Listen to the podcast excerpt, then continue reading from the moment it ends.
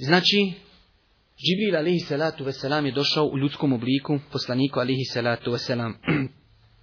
I zato kažemo u jednoj predaji kaže Allahu poslanik nikada mi se nije desilo da ga nisam prepoznao do sada. Kada je tek ustao ili je dobio objavu ili na neki drugi način shvatio sam kada je to Džibril. A dok mu je postavljao pitanja nije znao da je to Džibril. Interesantna isto stvar braću, nemoj da vam je teško, jer ovo, ovo su koristi i hadisi nisu izrečeni bez vezi.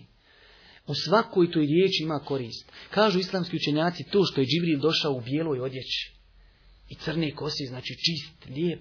Kažu velika je korist da čovjek kada ide u neke naučne skupove, na predavanje, na neki vaz, na neki seminar, na neko druženje, treba, kaže, da se lijepo obuče da se čisto lijepo obuče, da se namiriše, da se počešlja, da se okupa.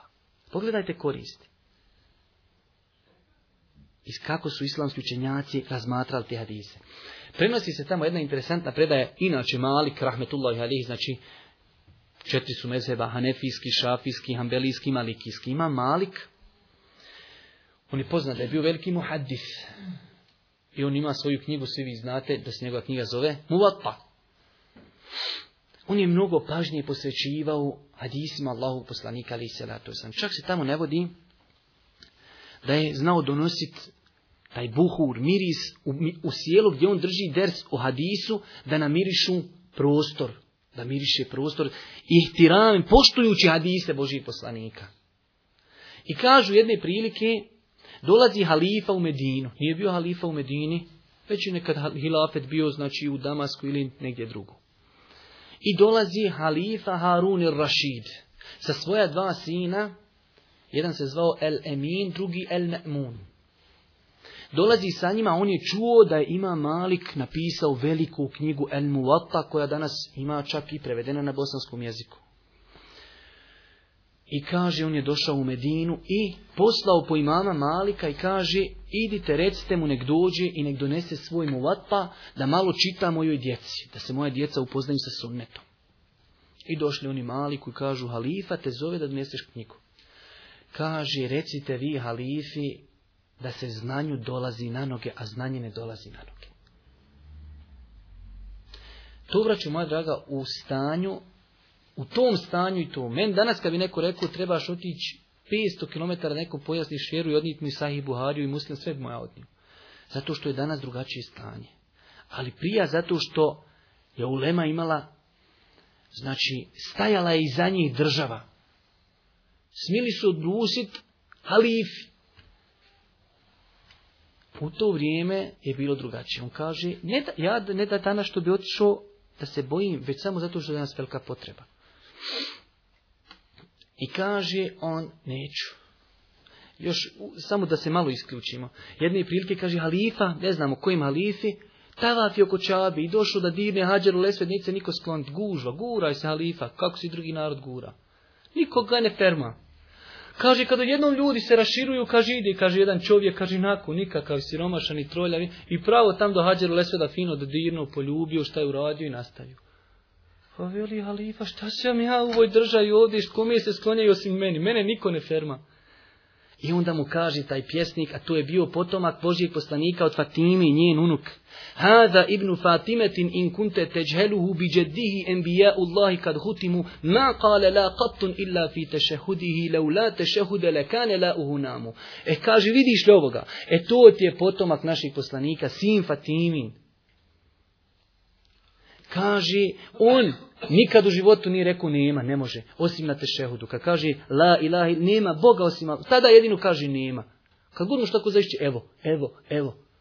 On kaže jedino zna reći nema na tešehudu, nema Boga osim Allaha. Mimo toga u njega nema riječi nema. I kaže kad ne bi bilo tešehuda, on bi tu riječ izbacio iz uvijek bi bilo ima. E zato njemu se rasplonjaju halifa, guraj se s narodom. Kad doješ na red ljubi E, tu Maliku Dolazi halifa i on kaže, izvinjajem se, dođite mojoj kući. I halifa u to vrijeme, znajući cijenit ilm i znanje, svoju djecu i hajmo Malikovoj kući. I sad on došao pred kuću i kuc, kuc, kuc, izašla sluškinja, šta ste trebali? Trebali smo i mama Malika. I ona ušla u kuću i čekaj pred vratima i čekaj, i čekaj, i čekaj, i čekaj. Sadlo Alif čekat kad izlazi ima Malik.